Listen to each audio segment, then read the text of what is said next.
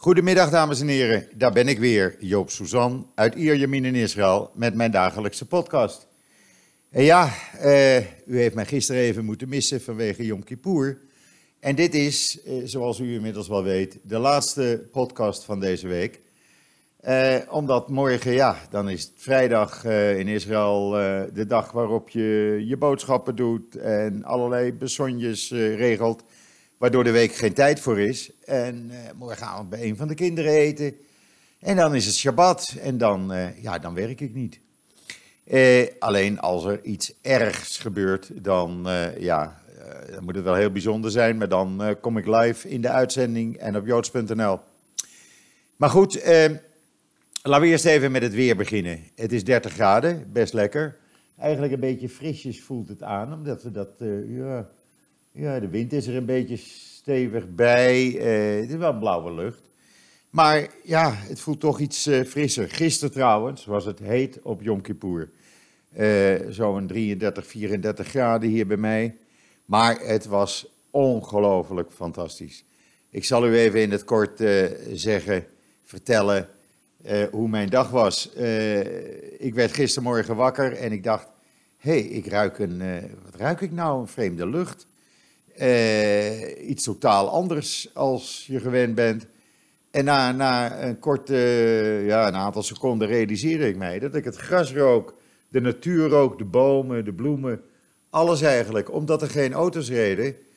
Uh, vanaf uh, dinsdagavond zes uur, kwart voor zes, ja, was, de, was er geen luchtvervuiling in de lucht. En dat valt elk jaar weer op, maar gisteren was het wel heel opvallend. De, de schone, frisse lucht die, uh, die je rook. Ja, en dan uh, op straat alle mensen natuurlijk in het wit gekleed. Dat is de traditie hier. Je doet een wit overhemd aan. Veel mannen hadden ook een witte broek aan en veel vrouwen witte jurken. Heel bijzonder. En zoals ik u zei, ik ben naar de tent-synagoge, zoals ik het maar noem, hier in de straat geweest, die elk jaar door Gabat wordt opgezet. Ja, en daar, uh, dinsdagavond was het druk natuurlijk met koolniederij, maar gistermorgen, ik ging daar uh, al vroeg naartoe en toen zaten er al uh, nou, in de ochtend zo'n 1000, 1200 man in die, in die synagoge.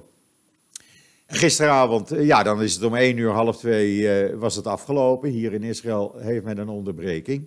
En dat doet men omdat het te heet is, te warm. En dan kan je naar huis gaan, even een dutje doen en dan om half 5 begint de laatste 2,5 uur zeven uur was het afgelopen. En het laatste uur, ja, dan, die tent was overvol. De stoelen werden aan de kant gezet, zodat iedereen kon staan. De zijkanten gingen open. Uh, en de hele buurt eigenlijk, duizenden mensen die rond die tent op straat stonden. Er is toch geen verkeer.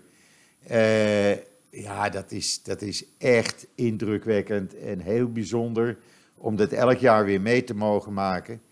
Uh, ontroerend ontroerend. Vooral ook, het laatste gedeelte is natuurlijk heel ontroerend. Als het Owino, Owino Makenu wordt gezongen, dan ja, als je dat hoort uit duizenden kelen, dan, uh, ja, dan gaat er wel iets door je heen.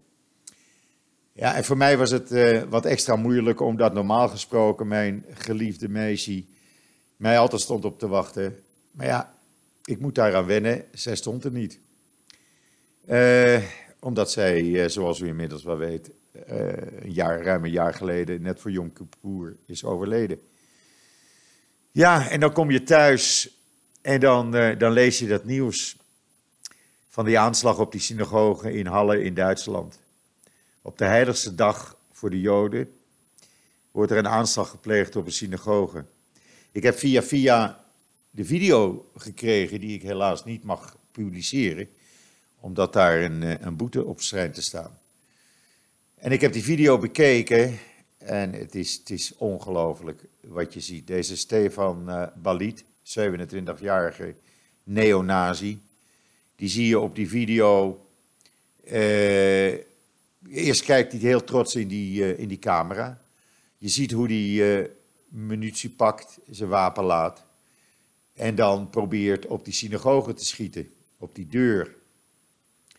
En die deur was gelukkig kogelvrij, ook de ramen. Dus dat lukte hem niet. Toen komt er een vrouw langs fietsen en die zegt, waar ben je mee bezig? En die vrouw fietst door, of die, sorry, die, die liep door.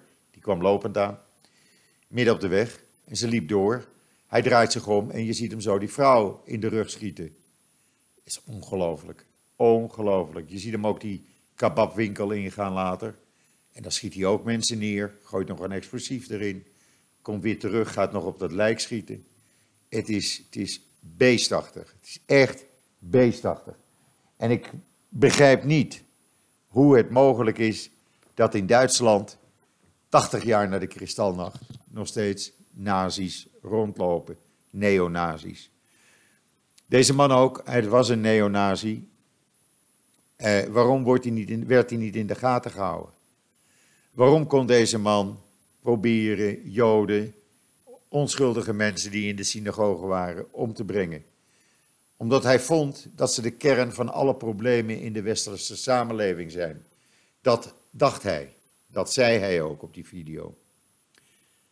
Eh, toen dat schieten op die deur niet lukte, gooide hij nog een eh, explosief tegen die deur. En de mensen in de synagoge, die hoorden dat. En die zagen het op de schermen van de beveiliging. En die moesten wachten totdat de politie kwam. Maar de politie kwam niet meteen. En dat is voor mij iets ongelooflijks. Deze synagoge, daar hadden agenten voor de deur moeten staan. Helaas is dat uh, nodig. Maar daar hadden bewapende, zwaar bewapende agenten voor de deur moeten staan.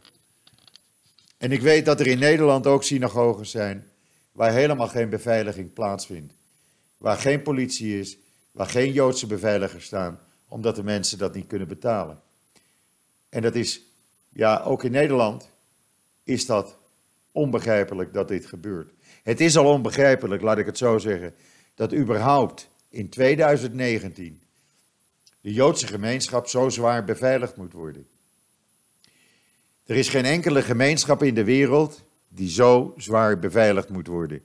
In het artikel wat ik op joods.nl heb gezet, heb gezet, ziet u bijvoorbeeld ook een foto van zwaar bewapende agenten in New York die bij synagogen staan. En dat is toch niet te geloven? We leven in 2019. En het is precies wat Netanyahu ook zei gisteravond. Hij zegt, de aanval, de aanslag op de heiligste dag voor het Joodse volk is een andere uitdrukking van het toenemend antisemitisme in Europa. En daar heeft hij volkomen gelijk aan. U weet, ik ben het niet altijd met hem eens, maar in deze keer volledig met hem eens. Ook president Rivlin, die zei gisteravond op televisie dat hij verbijsterd en gepijnigd was door de verschrikkelijke antisemitische daden die in Duitsland plaatsvinden de laatste tijd.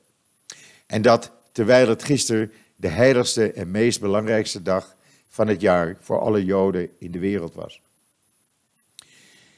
En de aanslag in Halle, naar mijn idee, maakt meer dan ooit duidelijk dat Joden nergens in de wereld veilig zijn.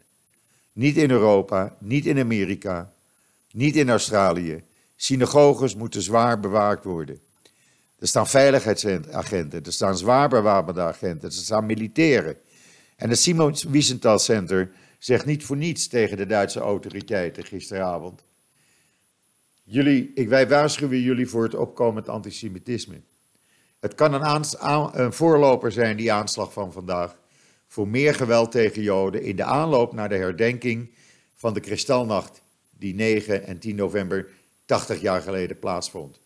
Daarbij werden op 10 november 1939 91 Joden gedood, 30.000 Joden gearresteerd en naar concentratiekampen gebracht. En 1400 synagogen in brand gestoken en talloze huizen en bedrijven vernield. In Halle werden op die dag 200 Joodse mannen opgepakt en naar Boegenwald gestuurd. De synagoges werden in brand gestoken en er kwam een einde in Halle op dat moment, 10 november 1939, aan 800 jaar Joods leven in die stad. Woorden zijn niet genoeg, zeiden de Joodse leiders. Dat hebben ze vandaag en gisteravond ook trouwens gezegd. En dat zeiden ze tegen mevrouw Merkel, die zich dan woensdagavond uit solidariteit aansloot bij een waken vlakbij de belangrijkste synagoge. Een waken, het helpt niet. Woorden helpen niet. Er moet worden opgetreden. En niet alleen in Duitsland, maar ook in Nederland. waar antisemitisme gewoon vrijelijk zijn gang kan gaan. Ondanks alle mooie woorden van de politici, ondanks de lachende gezichten van meneer Rutte. Het antisemitisme in Nederland is net zo schandalig hoog als in andere landen. En het feit, het feit dat een terrorist ongestoord keer op keer naar zijn auto kan lopen, nieuwe munitie en wapens haalt, en dat er geen enkele politieagent in de buurt was, dat is erg veelzeggend voor de mate waarop Joden, maar ook anderen, gevaar lopen in het huidige Duitsland. Ik hoop echt dat, het, uh, dat, het, dat er geen verdere aanslagen komen. Maar ja, ik hoor al een tijdje geluiden uit Europa van mensen die, uh, die mij informeren en zeggen: het wordt, uh, en dan met name, laten we het niet eens over België hebben, waar het nog erger is. Maar het is in Nederland voor Joden al bijna onmogelijk geworden zich nog als Jood kenbaar over straat te begeven. En dan heb ik het niet over kleine plattelandsgemeenten, daar valt het af en toe nog wel mee. Maar dan heb ik het over de grote steden. En ik hoef u niet te zeggen waar dat vandaan komt, maar ook de Nederlandse neonazis, de Nederlandse jodenhaters, die durven hun nesten weer uit te komen. Die durven hun holen te verlaten. Ik merk het zelf op het aantal bedreigingen dat wij ontvangen op mijn Twitter-account, maar ook wij van JoodsNL, we ontvangen dagelijks tientallen bedreigingen. Maar we laten ons daar niet door uit het veld slaan. Integendeel, we gaan juist harder werken aan het nog beter informeren en het nog actuele informeren van u, onze trouwe lezers. 22.000 mensen, elke dag weer op dit moment, betekent wel iets voor ons. Maar nog even terugkomend op Yom Kippur in Israël. Het betekent in Israël natuurlijk lege, lege wegen. Ik heb de kinderen bij duizenden zien fietsen, de families zien fietsen. Het hele openbare leven lag gisteren stil. Maar er is ook verdriet. Twee kinderen zijn omgekomen. Eentje werd aangereden in Tel Aviv door een uh, Arabier uit Ramle, die als een gek over naar Mierrood reed uh, in Tel Aviv. Dat is een vrij bereden weg door Tel Aviv heen. En terwijl dit kind aan het oversteken was met zijn fietsje in de hand, achtjarig jongetje, hij, uh, hij stopte niet. Hij reed gewoon door en raakte dat kind en zijn fietsje. En het kind, uh, Itamar, is overleden. En die wordt, of is op dit moment in Tel Aviv begraven, een uh, klein uurtje geleden. Ook een tienjarig kind eh, op de weg 443 tussen Tel Aviv en Jeruzalem. Een Arabisch jongetje werd aangereden door een gekke motorrijder. Die het nodig vond midden op de weg stunts uit te halen. Daarbij dat kind raakte. En dat tienjarige jongetje ook doodreed. Eh, daarnaast, eh, zoals gebruikelijk, de ambulance dienst, de Magene David Adom, had het weer hartstikke druk. 1852 Israëli's moesten gisteren behandeld worden. 268 mensen vielen flauw. Uh, honderden mensen waren uitgedroogd of voelden zich niet lekker vanwege het vasten. 256, 256 mensen raakten gewond, hadden eerste hulp nodig. Bij het fietsen, bij het skateboarden, uh, bij elektrische fietsen die omvielen, elektrische autopads die hier zo in zwang zijn. Ja, dat gebeurt ook. En er werden ook uh, eh, 140 zwangere vrouwen behandeld. En er werden drie baby's door personeel van de ambulance dienst ter wereld geholpen. Gisteren ook bij mij in de buurt natuurlijk geen auto's. Uh, mijn hond vond het prachtig om midden door de gras te lopen. De middenberm, andere luchtrookie. Uh, ja, af en toe zag je een, een busje aankomen met een zwaailicht de ziekenhuizen in de, in de buurt, die uh, lieten hun personeel halen en brengen met busjes.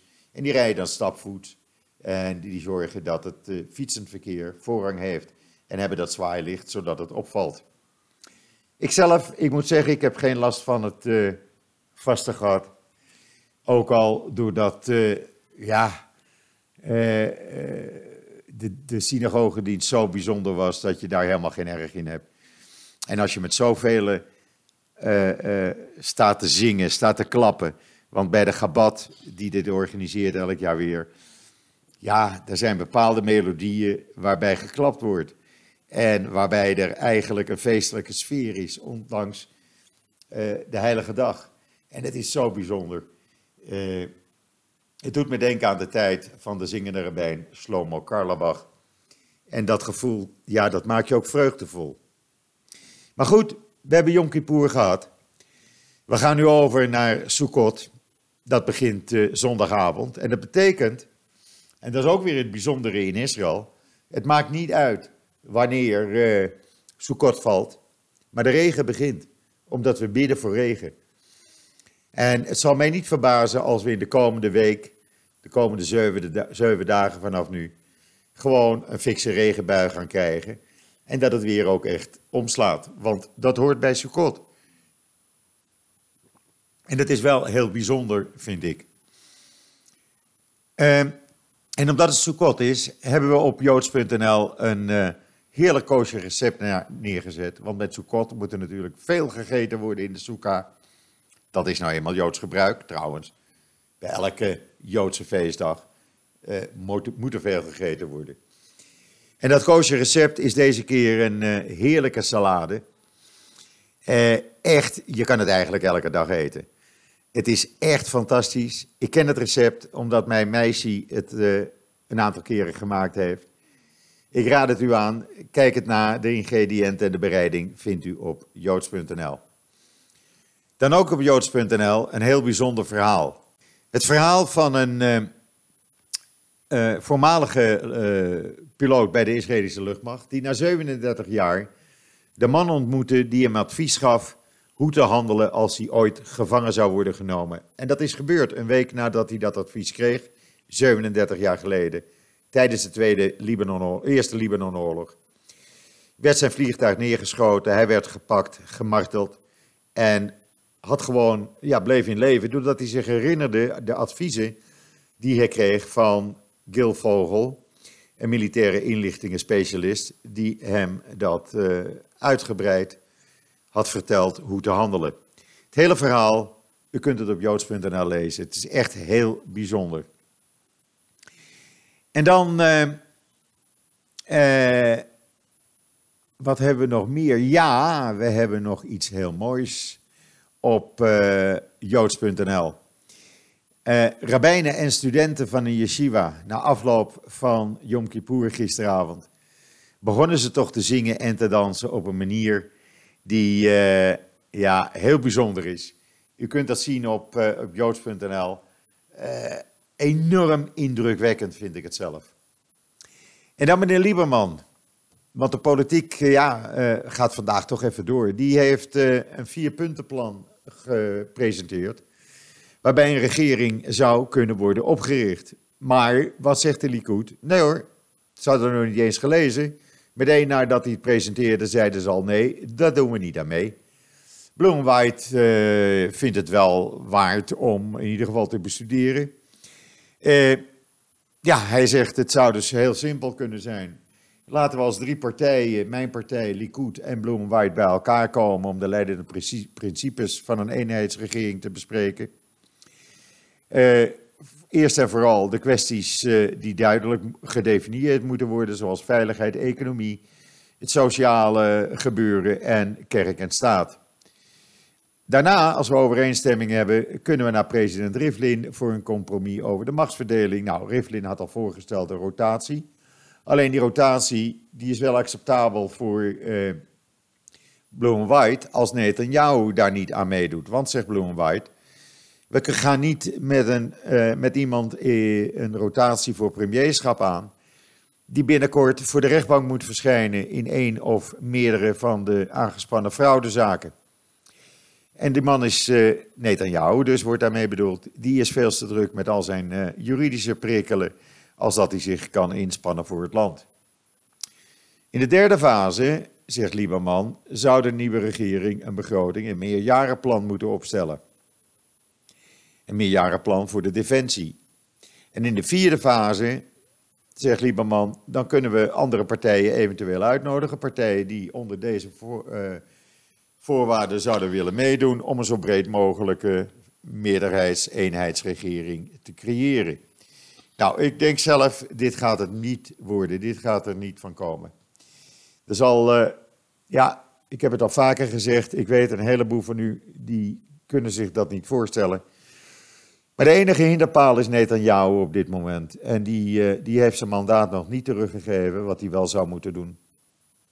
We zullen zien in de komende dagen hoe dat verder gaat.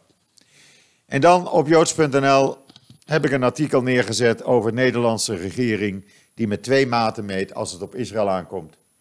Want in navolging van een aantal andere landen wil nu ook de Nederlandse regering dat producten gemaakt in Samaria of Judea het etiket opgeplakt krijgen van gemaakt in een Israëlische nederzetting of gemaakt in bezet gebied.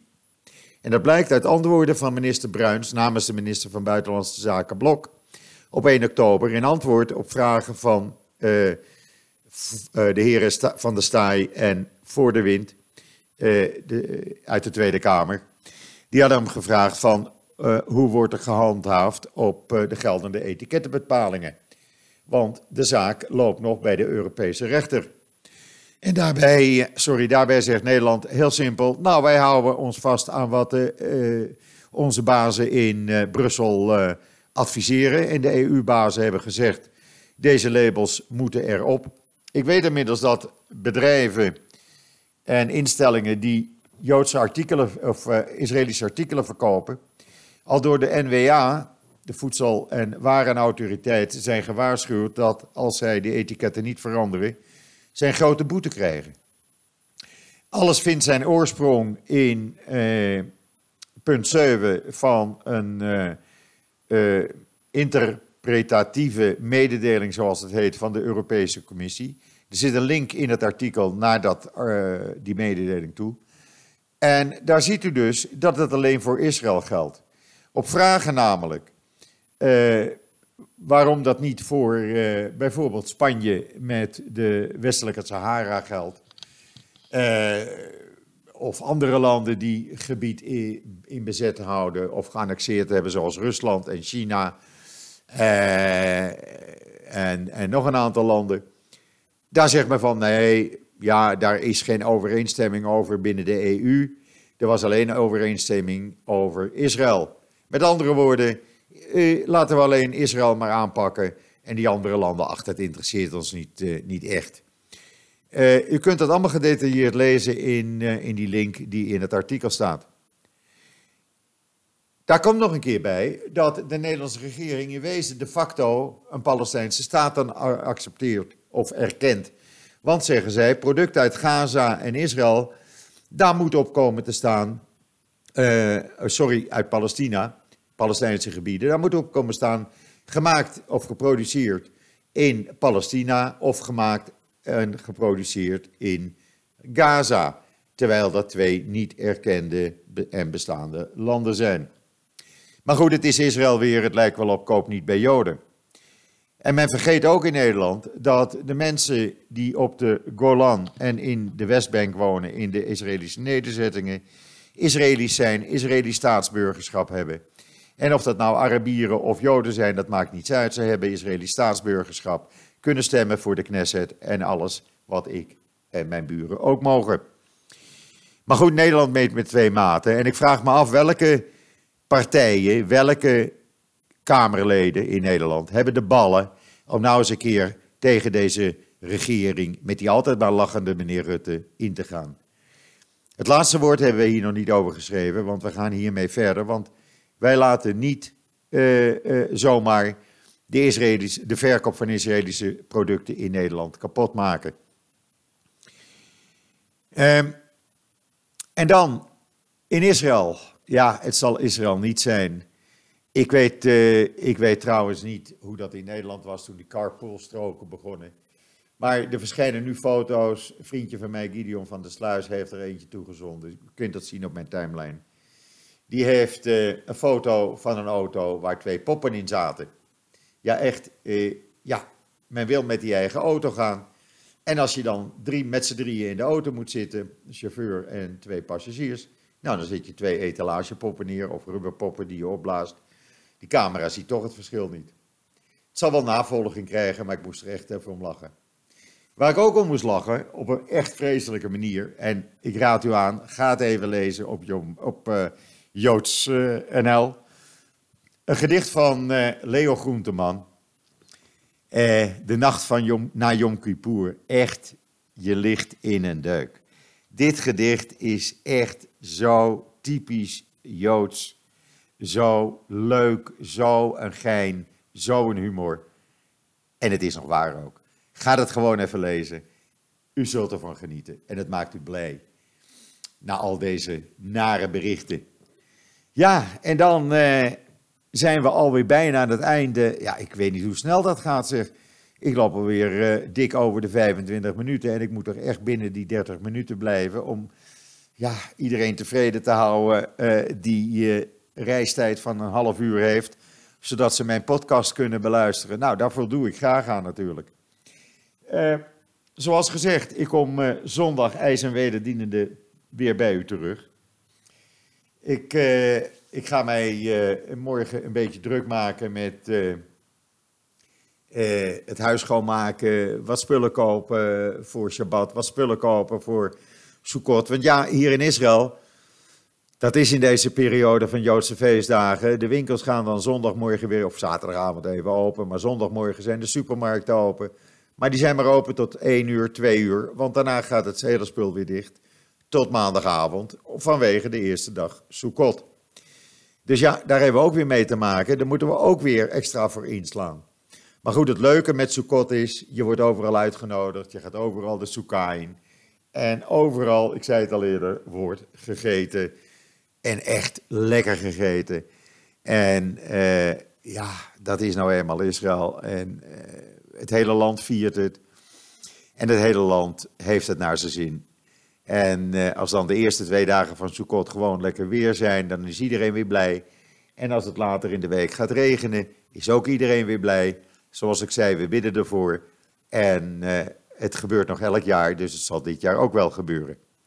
Dus rest mij u nog een hele fijne voortzetting van deze donderdag, de 10e oktober alweer, toe te wensen.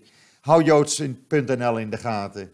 Zoals ik zei, u doet dat met tienduizenden op het ogenblik. Het is niet te geloven. En wij blijven ons inspannen. We hebben twee extra medewerkers voor de eindredactie inmiddels aan de slag. Om alle foutjes die we maken eruit te halen.